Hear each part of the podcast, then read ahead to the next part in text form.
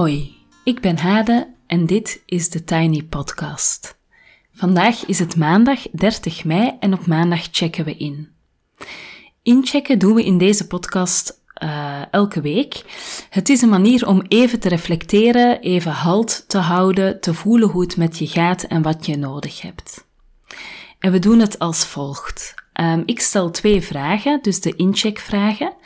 En daarna ben ik een volledige minuut stil en uh, die minuut kan jij gebruiken om in gedachten in te checken. Maar je kan de podcast ook op pauze zetten om uh, even in te checken met bijvoorbeeld je partner of een collega of je kind of wie dan ook. Um, of als je schrijvend wilt inchecken, dan heb je ook meer tijd nodig, denk ik, dan een minuut. Dus je kan de podcast op pauze zetten om op die manier even te kunnen inchecken. Na die stille minuut um, check ik zelf natuurlijk ook even in en daarna heb ik ook altijd nog een paar uitnodigingen en mededelingen voor jullie. Laten we beginnen. De vragen voor vandaag zijn: waar zou jij graag een duwtje in de rug bij krijgen? Dus stel je voor dat je ergens een duwtje in de rug bij kan krijgen. Wat zou dat dan zijn? Welk duwtje zou je graag krijgen? En Waar in jouw leven merk je dat dingen met elkaar verbonden zijn? Ik ga nu een hele minuut zwijgen en daarna check ik heel graag bij jullie in.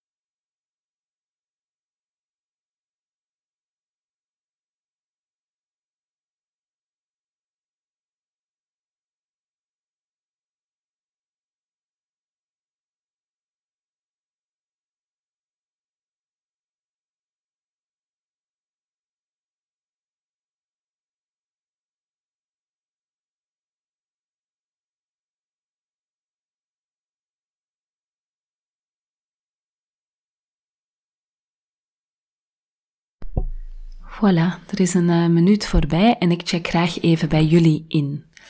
Eerst en vooral de vraag over het duwtje in de rug. Uh, de voorbije tijd heb ik heel veel geanalyseerd waarom bepaalde dingen anders gaan dan ik zou willen of zou denken, of waarom een bepaalde manier van werken of bijvoorbeeld een project aanpakken niet langer aangewezen is. En bij momenten dacht ik dat ik echt nooit uit allerlei analyses zou komen, uh, dat ik daar echt helemaal in zou blijven hangen. Maar blijkbaar is dat wel soms gewoon een noodzakelijke fase om even daar vast in te zitten en niet meteen verder te gaan naar de vraag hoe ga ik het nu aanpakken? Wat ga ik nu doen? Wat is de eerste stap? Enzovoort. Enzovoort. Hè. Veel mensen hebben de neiging om meteen in de actie te gaan, meteen, meteen te gaan uh, stappen zetten, zonder eerst heel goed na te gaan en stil te staan bij waarom de manier van werken of de manier van aanpakken tot die tijd uh, misschien niet helemaal uh, meer voor de hand liggend is voor de toekomst. Um, ik heb onder andere heel veel uh, geanalyseerd rond het eigen tijdproject dat ik voor Femma Wereldvrouwen mee vormgeef, waar we werken rond het verschil in vrije tijd tussen mannen en vrouwen. Dus uh, vrouwen hebben maar liefst zeven uur per week dat zij meer besteden aan huishouden en zorg. Dus ze hebben zeven uur per week ongeveer uh, minder vrije tijd dan mannen. En zeven uur per week, dat is eigenlijk ongeveer een werkdag per week. En daarin kan je best veel doen voor je gezondheid, voor je welbevinden. Uh, als je carrière wil maken, als je een boek wil schrijven, wat dan ook. Dus het is eigenlijk heel belangrijk dat die uh, vrije tijd of die eigen tijd, dat we die als vrouwen leren claimen.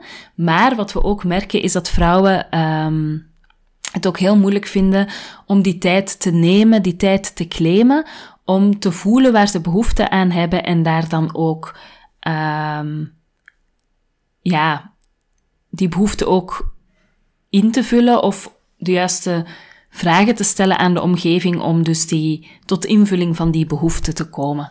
Dus dat is eigenlijk best een complex uh, project. Ook natuurlijk omdat we werken met vrouwen die weinig tijd hebben, die heel veel dingen combineren, die daar ook een stukje vaak uh, in vastlopen of in een soort van overdrive uh, geraakt zijn. Dus het is best een uitdaging om te kijken van welke ondersteuning kan je dan bieden, uh, welke activiteiten kan je dan organiseren om uh, dat maatschappelijke probleem van eigen tijd goed op de agenda te zetten um, en het individuele te koppelen aan dat maatschappelijke probleem en tegelijkertijd natuurlijk ook uh, op het individuele niveau handvat te geven om stappen te zetten en om een maatschappelijke verandering in gang te zetten. Dus super complex en daar heb ik de laatste tijd heel veel over nagedacht. Mm, dan, um, dat project is natuurlijk maar één van de dingen die ik doe. Ik heb ook mijn eigen bedrijf. Um, en ik heb dat de laatste tijd ook echt uitgeplozen. Ik heb een business coach onder de arm genomen en ik ben een businessopleiding gestart. Um, en ik ben achter de schermen bezig met het fine-tunen van allerlei plannen en ideeën, met als logische volgende stap in actie komen. Um, ik ben van nature heel ongeduldig en ik wil eigenlijk heel graag al resultaat zien terwijl ik nog aan het nadenken ben. Dus nog voordat ik eigenlijk de nodige actie uh, heb ondernomen. Um, dus vandaar dat ik soms echt heel graag al een duwtje in de rug zou willen om weer wat verder, verder te staan en te kunnen oogsten waar ik eigenlijk nog aan het zaaien moet beginnen. Ik zou bij momenten echt dolgraag een blik in de toekomst werpen en te weten komen of het inderdaad allemaal de goede kant uitgaat, um, of ik mijn doelen ga bereiken, of dat ook inderdaad fijn en bevredigend gaat zijn, uh, enzovoort. Een bijzonder stukje in het business traject is dat ik moet nadenken over de vraag hoe mijn leven er idealiter uitziet, zodat ik mijn bedrijf eigenlijk kan bouwen rondom mijn leven, in plaats van dat ik mijn leven rondom mijn bedrijf moet maken. Uiteraard um, geloof ik niet in hocus pocus, dus ik geloof niet dat ik nu kan bedenken dat mijn ideale leven eruit ziet dat ik vijf uur per week werk, Um, en dat ik dan een miljoen per jaar verdien. Het zou leuk zijn als dat kon, maar ik geloof uh, niet dat dat per se voor mij is weggelegd. En ik geloof ook niet per se dat ik dat heel fijn zou vinden, want ik werk ook heel graag. En ik zou, denk ik, ook wel wat doelloosheid ervaren als ik dan uh, um, ja, eigenlijk maar een half dagje per week zou werken en de rest gewoon weet ik veel wat zou moeten doen. Dus in die zin is dat nog wenselijk, nog realistisch, denk ik. Maar de vraag is wel, um, hoe zou ik graag willen dat mijn leven eruit ziet en welke stappen kan ik nemen, uh, bijvoorbeeld professioneel, om dat ook vorm te geven. Ik heb de laatste jaren best wel intensief gemoederd. Hè. Mijn jongste kinderen zijn nu drie, bijna vier. Um, en eerlijk gezegd, kwam ik die vraag dan tegen in dat traject en dacht ik, huh? Ja, ik merkte dat ik gewoon eigenlijk geen antwoord meer had op die vraag van hoe ik mijn leven zelf graag zou willen, omdat ik zo intensief uh, gezorgd en gemoederd heb en uh, het ook, ja, ook heb geroeid, zeg maar, met de riemen die er waren. Bijvoorbeeld, ik had een businessplan toen ik mijn bedrijf startte, maar toen brak die hele corona uit, dus dan ga je gewoon meebewegen met wat er wel nog kan. En je gaat voortdurend bijstellen. Dus die reflex om zelf na te denken van wat is nu voor mij ideaal en hoe kan ik zo sturen dat we daar een beetje naartoe gaan. Die reflex ben ik eigenlijk heel erg uh, kwijt uh, geraakt. En ook daar zou ik heel graag een duwtje in de rug krijgen om dat terug goed in beeld te krijgen en de nodige stappen te zetten om um, eigenlijk te gaan leven zoals het bij mij past en voor mij bedoeld is.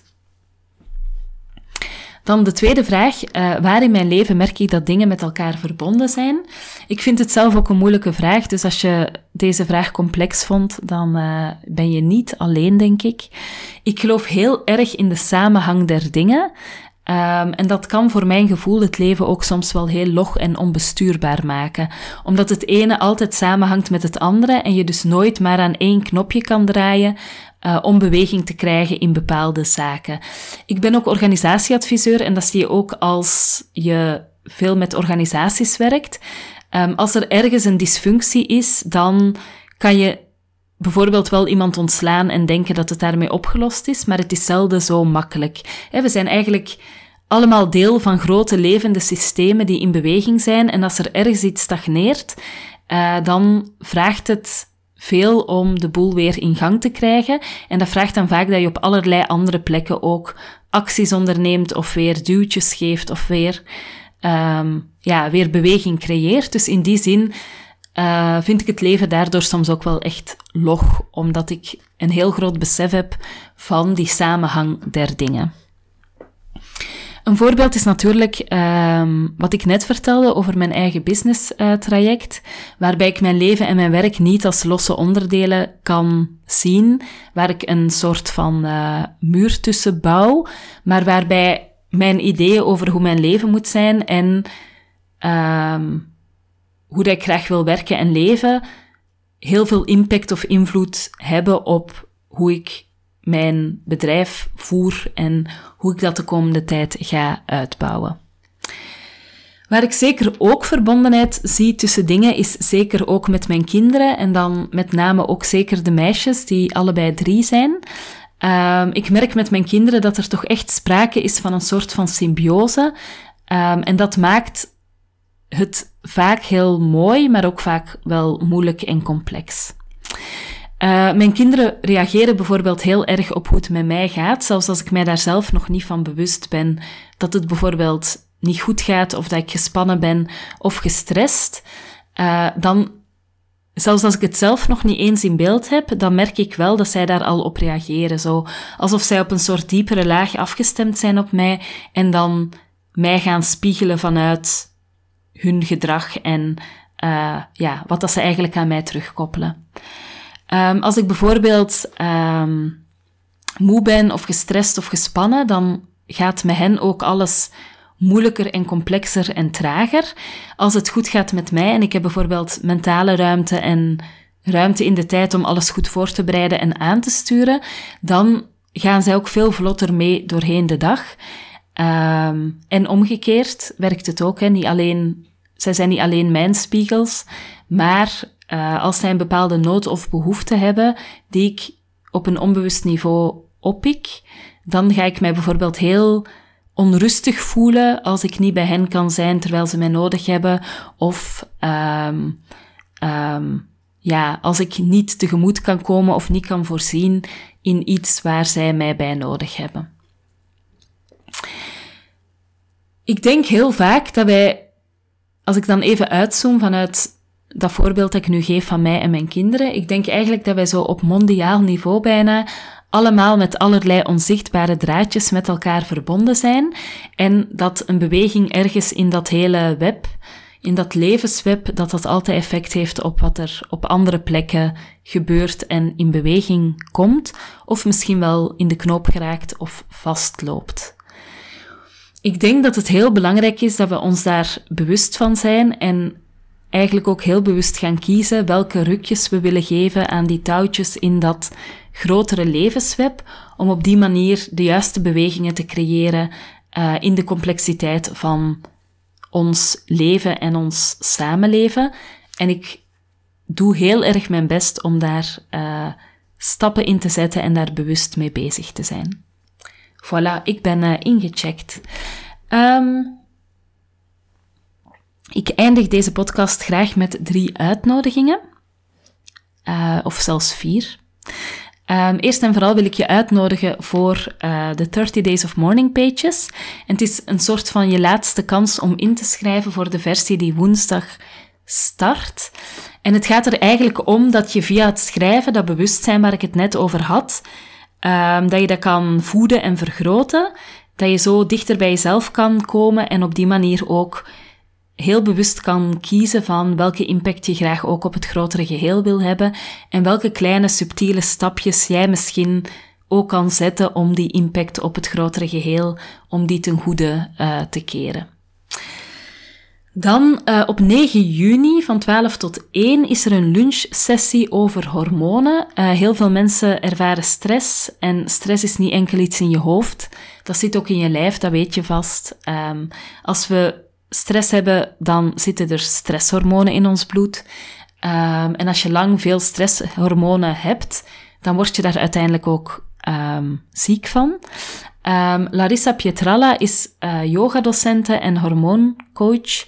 En zij gaat op 9 juni van 12 tot 1 in een online webinar, uh, een lunchsessie, gaat ze ons meenemen in de werking van die stresshormonen en hoe we dat ook allemaal een beetje kunnen managen. Uh, de link kan je in de show notes vinden um, en dat geldt voor alles wat ik nu vertel. Op 16 juni is er een webinar dat ik mee organiseer voor FEMA Wereldvrouwen, dat gegeven wordt door Eva Brumagne en dat gaat over een plan maken voor de zomer, waarin niet enkel de behoeften van al je huisgenoten aan bod komen, maar waar je ook voor jezelf een realistisch plan maakt van wat is voor mij belangrijk en wat wil ik voor mezelf realiseren uh, deze zomer. En natuurlijk, wat past dan binnen de mogelijkheden qua tijd, qua vakantiedagen, qua ambities, qua financiële dingen uh, enzovoort. En uh, last but not least, op 5 juli, uh, ook van 12 tot 1, is er een lunchsessie die ik zelf ga geven over dankbaarheid. Um, en mensen die daaraan deelnemen, die krijgen een soort van werkboekje voor de zomer. Een zomerboekje om dankbaarheid te cultiveren in de zomer van 2022. Want het lijkt een cliché, maar um, Dankbaarheid is een heel belangrijke sleutel om je gelukkig en uh, tevreden te voelen. En ik denk dat dat iets is uh, waar we allemaal baat bij kunnen hebben. Ik hoop heel erg om je te zien, ofwel in de cursus 30 eh, Days, ofwel in een van de andere initiatieven die ik net noemde. Um, maar alleszins heel fijn dat we vandaag samen ingecheckt hebben. En tot zover voor vandaag. Je kan me volgen op Instagram, TheTinyPodcast. Als je abonneert via bijvoorbeeld Google of Apple Podcast, in Spotify of in je favoriete podcast-app, dan krijg je telkens de nieuwste aflevering van deze podcast in je overzicht. Als je de podcast doorstuurt naar iemand die er ook graag naar luistert of hem deelt op social media, dan help je me om de podcast te laten groeien.